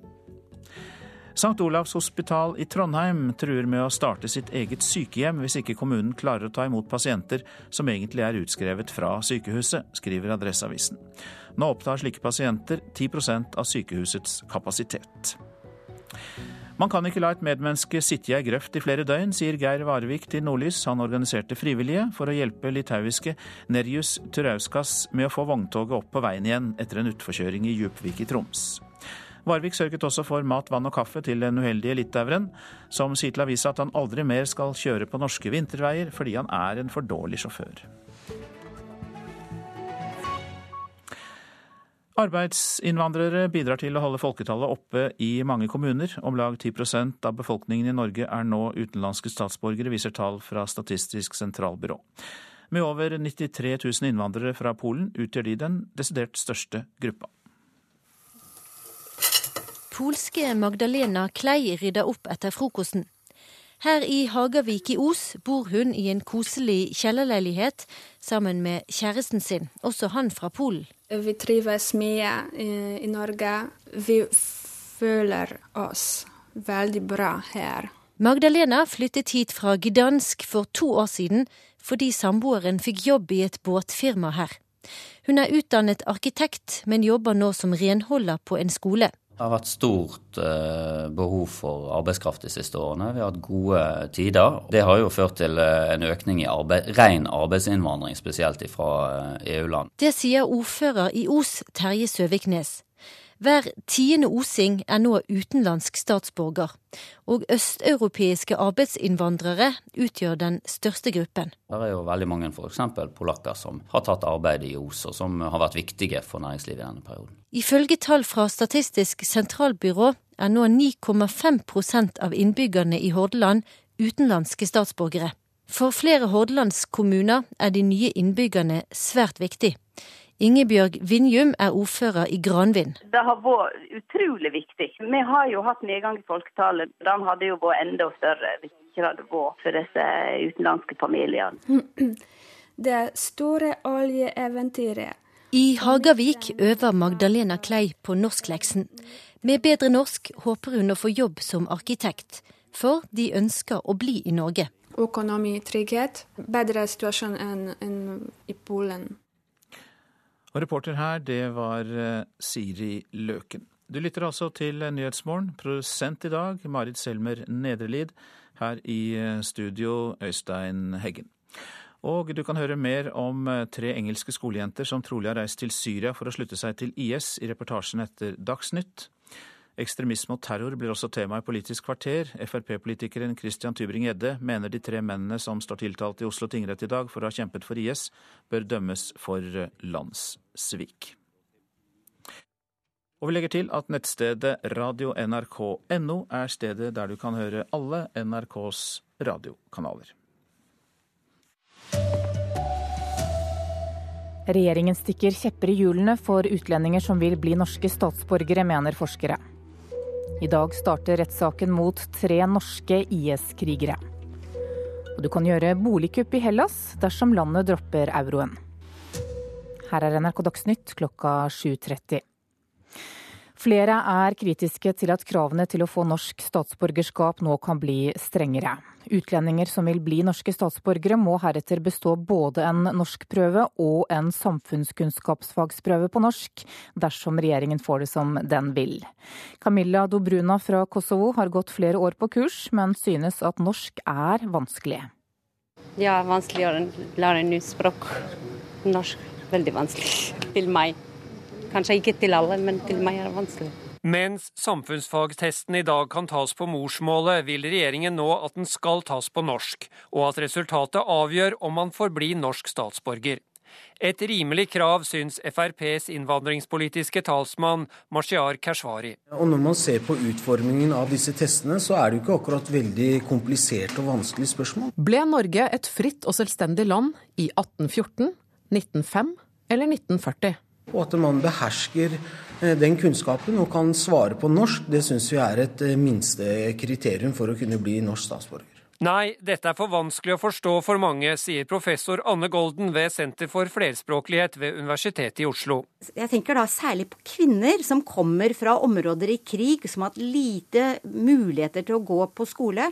Og de skal da altså måtte dokumentere kunnskaper, vanskelige kunnskaper på mange måter, om det norske samfunnet på norsk. Også Likestillings- og diskrimineringsombudet reagerer.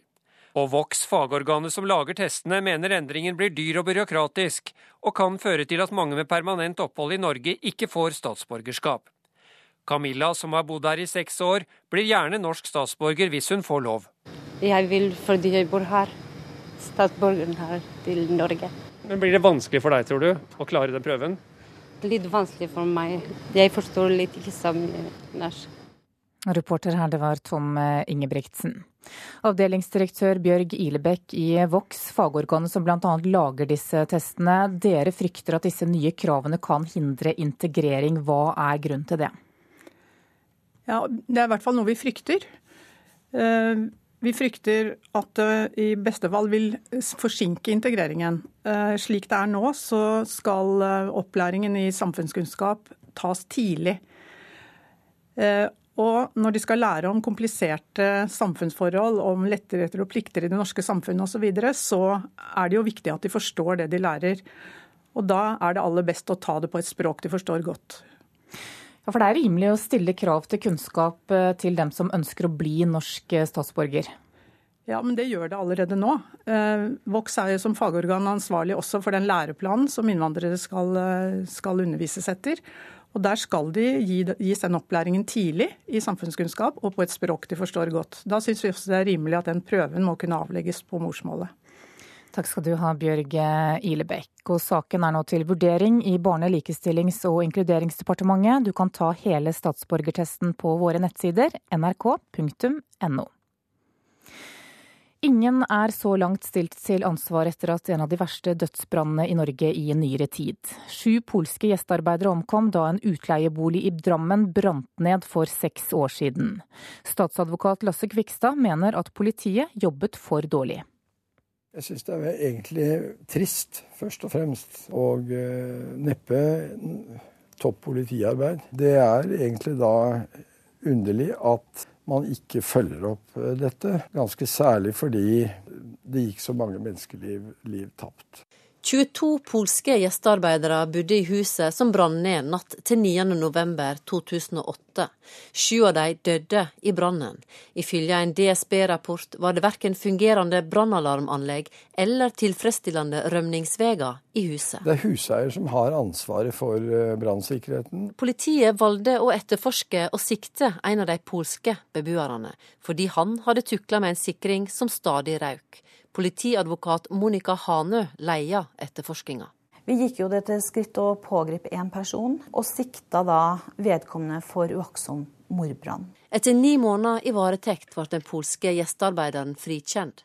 Her stoppa politiet sin etterforsking. Eh, etnisitet var i hvert fall ikke noe i mine tanker når vi, når vi hadde den etterforskninga her.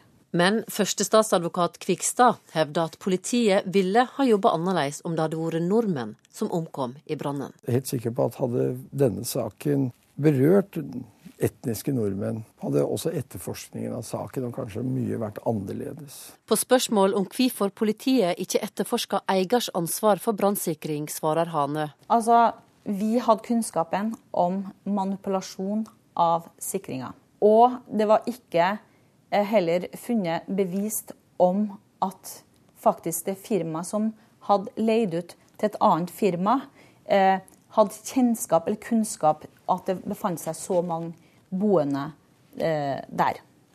Reportere var Inger Sunde og Harald Eraker. Eieren sier at de branntekniske sikkerhetsordningene var i orden da de leide ut. Og dødsbrannen er tema i Brennpunkt i kveld klokka 21.30 på NRK1. I dag starter rettssaken mot tre norske statsborgere som er tiltalt for å ha støttet og deltatt i terrorgruppen IS. Det er aller første gang den nye terrorloven prøves i en norsk rettssal etter at den ble innført i juni 2013. Glidelåser åpnes på store trillekofferter, og tunge dokumentpermer settes på plass i hyllene. Vi er i rettslokalet hvor tre menn mellom 25 og 30 år i dag skal møtes, tiltalt for å ha brutt norsk terrorlov, noe de selv nekter for. Politiets sikkerhetstjeneste mener to av dem skal ha deltatt i IS sine terrorhandlinger i Syria og Irak, mens en tredje skal ha prøvd å sende krigsutstyr til sin bror i Syria. Broren ble senere drept der. Den nye terrorloven kom i juni 2013, og Fredrik Skjøne Brodvald, som forsvarer en av de tre, en norsk-somalsk 30-åring, mener nettopp tidsrommet blir sentralt. Det spesielle med denne saken er jo det at eh, min klient eh, var i området Syria før denne bestemmelsen trådte i kraft. Eh, så det vil jo være en prinsipielt og rettslig spørsmål som må avklares av retten. På hvilken måte? Hvorvidt dette skal få anvendelse på en person som da har vært i et område utenfor Norge når en bestemmelse har trådt i kraft. Også Svein Holden, som forsvarer en 28 år gammel norskalbaner, tror dette blir viktig. Det er klart at det vil eh, være et eh, betydningsfullt område for oss. Situasjonen i dag er på mange måter veldig forskjellig fra det den var da min klient var der. Verken Politiets sikkerhetstjeneste eller aktor ønsket å kommentere saken før den starter i dag. Reportere var Ellen Borge Christoffersen og Olav Døvik. EUs kommisjon mot rasisme og intoleranse er kritisk til lovverket her i landet når det gjelder rasisme. Kommisjonen er bekymret for at det fortsatt ikke er straffbart å benekte folkemord eller å delta i grupper som oppfordrer til rasisme i Norge. Færøyene tjener stort på Vestens straffetiltak mot Russland. Øysamfunnet har økt sin eksport av laks til Russland med nesten 800% etter at sanksjonene ble satt i verk, skriver Aftenposten. Færøyene har selvstyre under Danmark og styrer sin egen handelspolitikk, mens utenrikspolitikken styres fra København. Ferieleiligheter i Hellas kan bli svært billige dersom Hellas dropper euro, euroen. Da kan både nordmenn og eksilgrekere gjøre boligkupp, det tror fagøkonomene. Det tror også Jannis Aliferis, men norskgrekeren håper på en annen løsning. Han holder humøret oppe ved å lytte til gresk musikk på jobbkontoret på Sinsen. Mange grekere med penger og formue har jo allerede flytta dem ut av Hellas. Så når det blir, eh, eller hvis det blir, en, eh, gå tilbake til en egen valuta i Hellas, så vil jo den svekke seg kraftig. Både at det blir billig å reise dit, og at en kan kjøpe rimelige leiligheter der. Også sjeføkonom Jan Andreassen i Eika-gruppen er i tvil om Hellas og eurosonen er naturlige synonymord. Det er klart Hvis eh, Hellas går ut av eh, eurosonen, så blir det mye eiendom som vil falle kraftig i verdi. Spørsmålet er om disse rike eksilgrekerne vil investere i eh, et venstreledet Hellas utenfor euroland. Det er jo et stort spørsmål i tiden fremover. Reporter var Sindre Heierdal. Ansvarlig for denne sendingen var Anne Skårseth, teknisk ansvarlig Hanne Lunås og her i studio Anne Jetlund Hansen.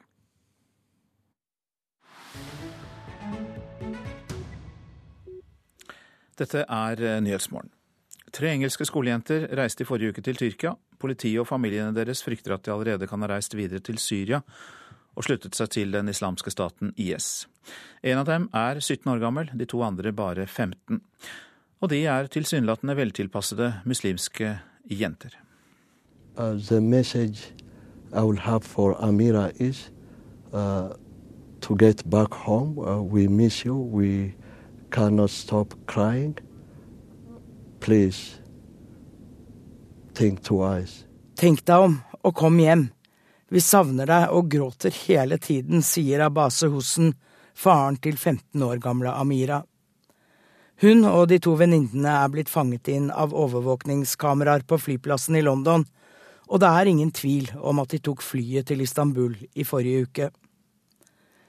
De går alle tre på videregående i London-bydelen Bethnal Green. De er flinke skolejenter, og ingen skjønte hva de planla, forteller søsteren til Shamaima Begum. There was no indication whatsoever. She was she was just herself. There was nothing different about her. There was no changes in in her behavior, in anything. She was just our baby. Vi hadde ingen anelse. Det var ingenting som tydet på at hun skulle reise, sier Renu Begum, storesøsteren til 15 år gamle Shamaima. Ifølge antiterroreksperter skal rundt 50 britiske kvinner ha reist fra Storbritannia til Syria for å slutte seg til IS. Noen av dem har giftet seg med IS-krigere. Politiet er redde for hva som kan skje med de tre unge jentene. The way that women and young girls are treated by the terrorist group calling itself Islamic State um, is, is appalling. Um, these, these girls are not safe in Syria. So if they're still in Istanbul and there's a chance and a possibility um, that we can bring them back, then we can safeguard these children. Den islamske staten behandler kvinner og unge jenter på en forferdelig måte og jentene er ikke trygge i Syria, sier Richard Walton, som er leder for antiterrorpolitiet i London.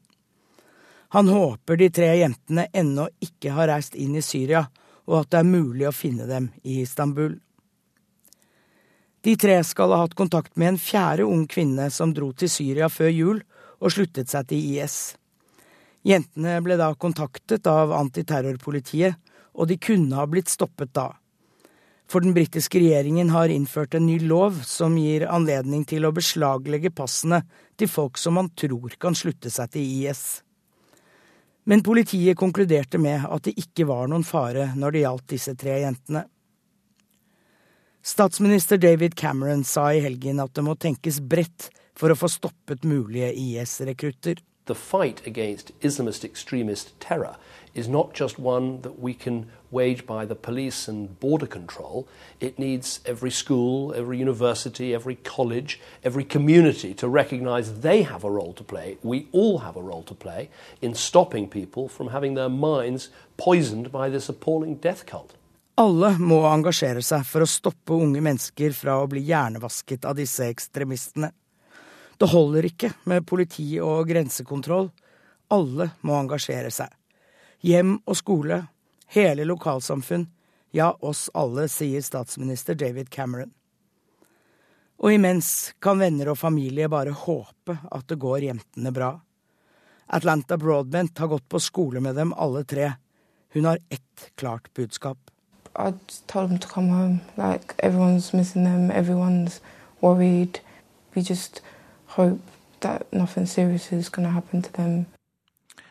Og det var Anette Groth som hadde laget denne reportasjen. Dette er Nyhetsmorgen, dette er hovedsaker. Mange er kritiske til skjerpede krav for å få norsk statsborgerskap.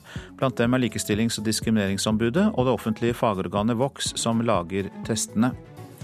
Fortsatt er ingen stilt til ansvar etter en av de verste dødsbrannene i Norge i nyere tid, da sju polske arbeidere omkom i Drammen for seks år siden. Politiet fant bombeoppskrifter og bilder av ansatte i Politiets sikkerhetstjeneste da de etterforsket terrorsaken som åpner Oslo tingrett i dag. Og Færøyene tjener stort på Vestens straffetiltak mot Russland. Øysamfunnet har økt sin eksport av laks til Russland med nesten 800% etter at sanksjonene ble satt i verk. Det skriver Aftenposten. Nå gjør vi oss klare for Politisk kvarter. Der er Bjørn Myklebust programleder.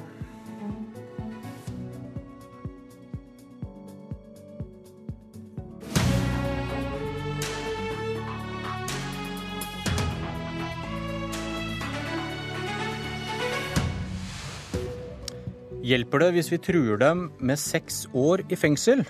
Hjelper det bedre hvis vi dømmer dem for landssvik? I dag starter den første rettssaken mot nordmenn som anklages for å ha vært IS-krigere i Syria. Men hvis ikke norsk lov alene kan redde oss, må vi vel også fortsette jakten på årsakene? Og her har også spørsmål om skyld dukket opp i det siste. Fremskrittspartiet, Kristelig Folkeparti og Arbeiderpartiet har kommet til Politisk kvarter. To menn står tiltalt for å ha kjempet for terrororganisasjonen IS. En mann er tiltalt for å ha forsøkt å hjelpe IS med utstyr. Kristian Tybring-Gjedde, du sitter i utenrikskomiteen på Stortinget for Fremskrittspartiet. Nordmenn som aktivt støtter eller kriger for IS mot sitt eget land, må siktes for lands- eller krigsforræderi, skrev du og Per Sandberg i fjor høst. Og Hvorfor mener du disse tre burde vært tiltalt for landssvik i dag? Fordi Norge har erklært eh, krig mot eh, IS i Syria eh, og Irak. Og vi har erklært en krig, og da er det slik at når noen nordmenn eller norske statsborgere går til motkrig, holdt jeg på å si, eller forsvarer de landene vi faktisk kriger imot, så er det for meg en, eh, en, en, dimensjon utover det å begå en forbrytelse. Det er et svik. Eh, det ligger egentlig i ordet. Det er en svik mot eget eh, land. Og vi kan faktisk risikere at vi ser norske statsborgere som kan løsne skudd mot andre norske statsborgere når vi har erklært krig. Og Det syns jeg er en så alvorlig eh, handling at det kan ikke reguleres under noen annen bestemmelse i loven. Men Hva er den praktiske forskjellen på om de tiltales for terror eller landssvik? Det ligger i, i ordet. Eh, nettopp svik mot eget land.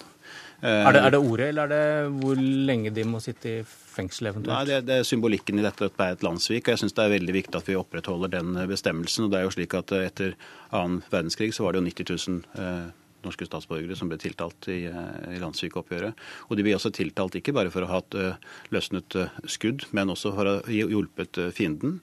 De som har vært medlem av Nasjonal Samling, de som kjempet mot, nei, for nazistene i Norge, de ble dømt alle sammen. Enten ble dømt til, til bøter eller så dømt til fengselsstraff, og 30 ble faktisk dømt fikk dødsstraff. Så, så, jeg mener at dette er en så alvorlig forbindelse at vi kan ikke behandle som annet. Dette er en unik hendelse som vi ikke har opplevd tidligere. Da trenger vi også et unikt lovverk. Kjell Ingolf Ropstad, andre nestleder i justiskomiteen fra Kristelig Folkeparti. Hva ville forskjellen vært? Landsvik eller terror? Mm, det kommer jo helt an på. Jeg tror nok mye av det ligger i symbolkraften, som Kristian Tybring-Gjedde er inne på. Jeg tror nok òg at eh, på mange måter så vil Landsvik veie tyngre symbolsk enn terror. Men i den nye straffeloven så vil det jo være faktisk mulighet til å dømme opptil 30 år. Eh, og i den gamle så var det jo 21 år på, på Landsvik, så sånn eh, lengde i fengsel så vil det jo være enda mer alvorlig å bli dømt for de mest alvorligste bestemmelsene som, som ligger i den nye straffeloven. Men det som jeg tenker er avgjørende, iallfall i den saken som ligger der i dag, er jo at det uansett ikke ville vært den type bestemmelse. Og, og Derfor så syns jeg jo at når det er vedtatt en ny straffelov så er det jo, Hvorfor ikke? Nå vil jo ikke den nye ha tilbakevirkende kraft. Eh, så selv om en diskuterer det i dag, så vil eh, det være gjeldende rett som gjelder på den saken som, som er i dag. Og jeg har stor tillit til at domstolen finner de fornuftige bestemmelsene som de ønsker å bruke. Men er du Men, enig i Tybring-Gjedde? Du hører argumentasjonen hans her for at man bør stemple dem som landssvikere? Jeg er ikke redd for å eventuelt gjøre det, men det er ikke et stort mål for meg heller. For jeg tror ikke det er det som er det avgjørende. Så når du starter innledninga, så er jo det store spørsmålet vil det skremme eh, folk fra å rekrutteres inn som fremmedkrigere. Så tror jeg forskjellen på terror eller bli dømt for terror eller landssvik ikke er det store. Jeg tror at straffeloven kan være viktig som forebyggende. Det at du eh, til de eh, handlingene som er så alvorlige som dette, at det er tydelig og lange straffer for det, det vil kunne forebygge de som er et stykke unna fra å bli radikalisert. Men når de er blitt radikalisert og stender på trappa til å reise ut, så tviler jeg sterkt på at straffeloven hindrer dem for å reise ut, for da er de jo villige til å ofre eget liv for det de tror på. Kari Henriksen, du sitter i justiskomiteen for Arbeiderpartiet. Hva, hva tenker du om hva det betyr, hvilke lovparagrafer man bruker her? For Arbeiderpartiet så er det aller viktigste at vi får en politikk som virker. Eh, og at vi ikke bare får symboler. Eh, og Derfor er denne debatten veldig viktig, hva vi faktisk skal bruke og hva vi skal kalle det. Det er mange veier inn til terror. Og jeg tror at landsviker, et landssvikerstempel vil ha lite avskrekkende effekt på de som faktisk velger terror. Eh, så for, for, sånn som jeg tenker, så er det viktigste det å få lovverk som faktisk fungerer, slik at vi får ned eh, rekrutteringen, at vi forebygger godt, og at vi oppdager og straffer de som er på vei inn eller har gjort eh, faktiske terrorhandlinger. Og I den sammenheng så mener, vi at, eller så mener jeg da at dette lovverket vi har nå, det, er, det virker forholdsvis bra. Nå får vi jo se hvordan denne dommen som nå pågår, ender. Men i utgangspunktet så tenker jeg at det lovverket vi har nå, Arbeiderpartiet var jo pådriver for å få endra dette, det er eh, tilstrekkelig. Men vi er også åpne på å se på konkrete løsninger på andre ting.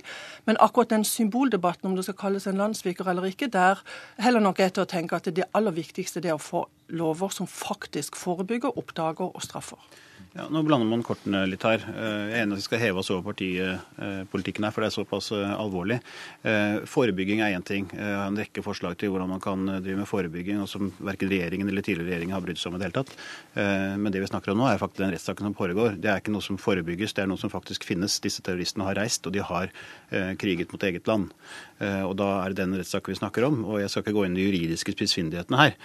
Bevisbyrde osv. Er det forskjell på om du har begått den type terrorhandlinger på eget eget territorium, eller du har gått inn på annet lands territorium. Kjemper du for et eget land? Er IS et eget land?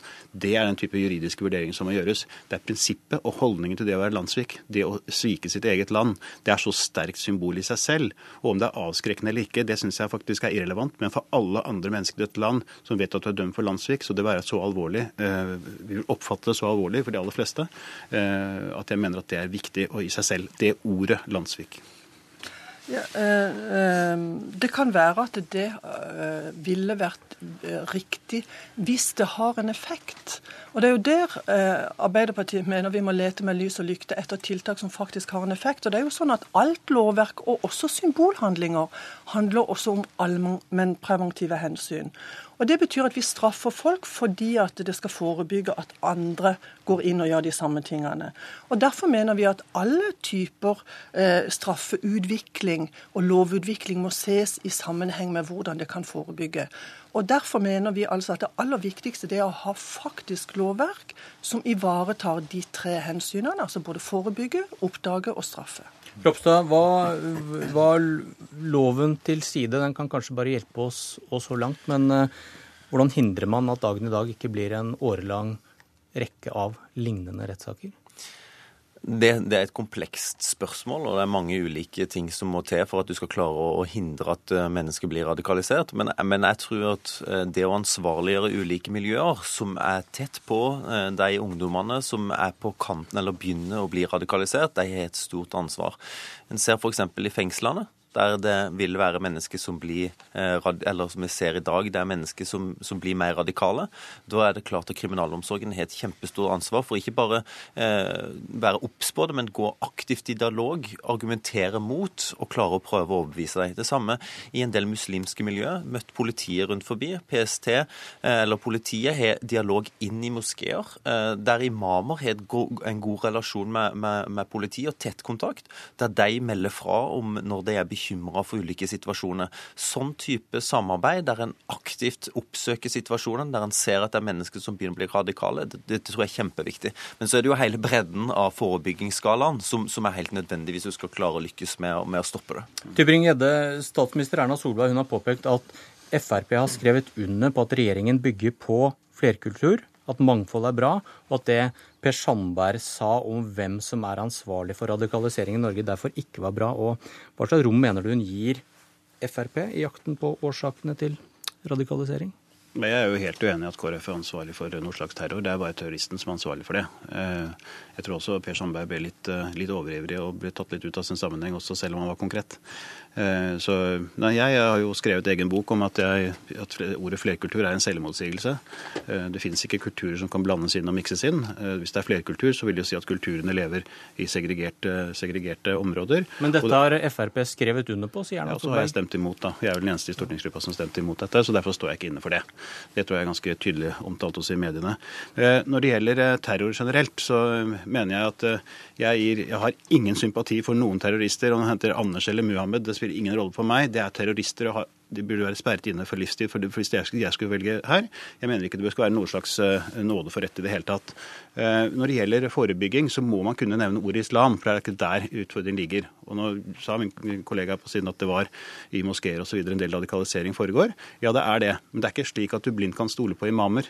Man importerer imamer som har allerede et veldig uh, skeptisk syn på det sekulære rettsvesen, og som ikke kan være en rapportør, hvis man følger med i det som har vært skrevet av ulike mennesker som har gått kommet ut av det radikaliserte miljøet, så er ikke imamer direkte eh, riktig våpen å bruke for å, for å redusere radikalisering. Snarere tvert imot. Det er nettopp i moskeene man har opplevd at radikalisering har, har, foregått. Og Derfor må vi stoppe koranskoler. Vi må se på dette med doble statsborgerskap i den grad det finnes. Eh, vi må eh, se på eh, begrensninger på en rekke andre områder. Nettopp dette som går på f.eks. å sende barna sine til utlandet for å gå på koranskoler. Dette er ting som man må begrense, istedenfor å ha en handlingsplan som bare er dialog, sånn som i dag denne som regjeringen la frem, som egentlig bare er en dialog, så burde vi ha en tiltaksplan med konkrete ting som man faktisk skal følge opp og måle. Og Det har jeg argumentert for i regjering, jeg har argumentert for i stortingsgruppa, men så ender han også opp med en, med en, en, en eh, handlingsplan som egentlig er litt god, god jul og godt nyttår. Henriksen, handler det om islam, eller skal man ikke snakke om religion? Vi skal snakke om religion, men vi skal også snakke om ideologi. For det er ikke sånn at det bare er religiøse ideologier som tiltrekker Eh, voldelige ekstremister. Det er også politisk ideologi. Eh, det har vi eksempler fra i vårt eget land. Det er også rasistisk ideologi. Det har vi også eksempler på fra eget land. Så jeg mener det er viktig her å, å, å få kunnskap om hva som motiverer til denne type handlinger. Og Det vi vet nå, det er jo at det der er eh, tre rekrutteringsarenaer. Det er de som ønsker krig og vold, altså de som genuint er opptatt av dette med å krige. Det er de som har en religiøs overbevisning om at de ønsker eh, å krige. Og så er det de som eh, Eller at de ønsker å, å ta liv og, og, fremme sin ideologi på den måten. Og så er det de som savner et fellesskap, og som ikke kommer inn. Og Jeg mener, jeg har bare lyst til å si litt om det brede tiltaksapparatet. For i Kristiansand og Agder politidistrikt så jobber de knallgodt med å finne eh, brede løsninger på dette. Det er ikke bare knytta til imamene, men det er knytta til skolene, det er knytta til foreldreapparatet, for, nettopp for å imøtekomme både de som har en religiøs ideologi, og det er også knytta til, til moskeene. Det å, å, å, lære ungdommen hva som faktisk står der, og hva som ikke står der. Og Det er et veldig bra tiltak, og vi må ha mer av det. og Derfor så la vi også inn Vi dobla eh, eh, bevilgningene til forebyggende tiltak til den handlingsplanen som, ikke fulgte, som det ikke fulgte penger med fra regjeringen. Ropstad. Jeg tror jo det, det, er viktig her, som Henriksen sier, at en, en, må nettopp klare å tenke den bredden der. For skal en lykkes med forebyggingssida, hindre at de reiser ut, så er sånne type tiltak avgjørende. Men det som er vel så viktig òg, er jo å håndtere situasjonen når vi vet at det er en del som allerede er reist ut. Flere titalls norske statsborgere som er reist ut. Det er jo et, eh, for det første et mål om å, om å prøve å forhindre dem komme tilbake, men håndtere òg situasjonen når de kommer tilbake. Og Det er jo den store terrortrusselen òg i Norge, at en vet at det kan komme personer tilbake igjen som både har sett sett og vært med på ting som kan gjøre at de òg kan gjenta det samme. Men, hva, hva tenker du om analysen til Tybring-Gjedde på hva som er årsaken her? Eh, jeg deler nok ikke fullt ut eh, den analysen til, til Tybring-Gjedde, men, men, det som er en klar utfordring, er, som, som, begge egentlig har vært inne på her, at det er en ideologi eh, som, som, er hårreisende, og som en må ta et tydelig oppgjør med. Og Derfor så Jeg er enig med Tybring-Gjedde at dialog alene er ikke nok. En må ta, tydelig, eh, ta et tydelig oppgjør med de tankene, med den ideologien. Men den er ikke nødvendigvis bare muslimsk. Den kan være eh, i forskjellige eh, miljøer. Men akkurat den terrortrusselen som vi står overfor nå, med fremmedkrigere, så er den jo mer kobla akkurat til det. Ja, altså, vi må ikke lure oss selv her. Det, I dag så er det islam, eller ideologien islam, som er eh, problemet. Ikke late, vi må ikke nå vide ut, for vi må konkretisere. Det er det, det problemet vi ønsker å løse nå. I fremtiden kan det også være masse fra høyreradikale, hva vet jeg. Men nå er det det vi skal prøve å løse. Og så er det altså ikke bevilgninger som gjelder her. Altså, det, det, blir sånn der barnslig partipolitikk. Altså, jeg bevilget 20 millioner, du ga 30 millioner, ergo jeg er flinkere enn deg. Det, det, er ikke sånn det fungerer. Eh, og så er det ikke minst, det er veldig mye av foreldrenes ansvar her. Foreldrene har et ansvar for å faktisk både integrere og, og ikke minst lære språk, altså når det gjelder eh, i, i innvandrerfamilier. Jeg vil gi en konkret utfordring til, til Arbeiderpartiet og Kristelig Folkeparti. Er dere med på, på, på mitt forslag, eller Fremskrittspartiets forslag om at det bare skal eh, forkynnes på norsk i moskeer? Slik at Jeg regner med at siden, 20 sekunder har vi igjen nå. Ja, siden, siden alle er allmektige, så er den også språkmektig. Jeg kommer ikke til å ha et norsk krav, men jeg er enig med Henriksen som er inne på i stad, at det er viktig å, å være, eh, ha faktisk hjelp for å bistå deg for å få en god forklaring av hva Koranen faktisk sier. For jeg tror det er riktig å få fram det, det at det faktisk er eh, ikke terror eh, som, som blir forkynt gjennom, gjennom, Koranen. Og det var et politisk kvarter. Jeg heter Bjørn Myklebust. Hør flere podkaster på nrk.no podkast.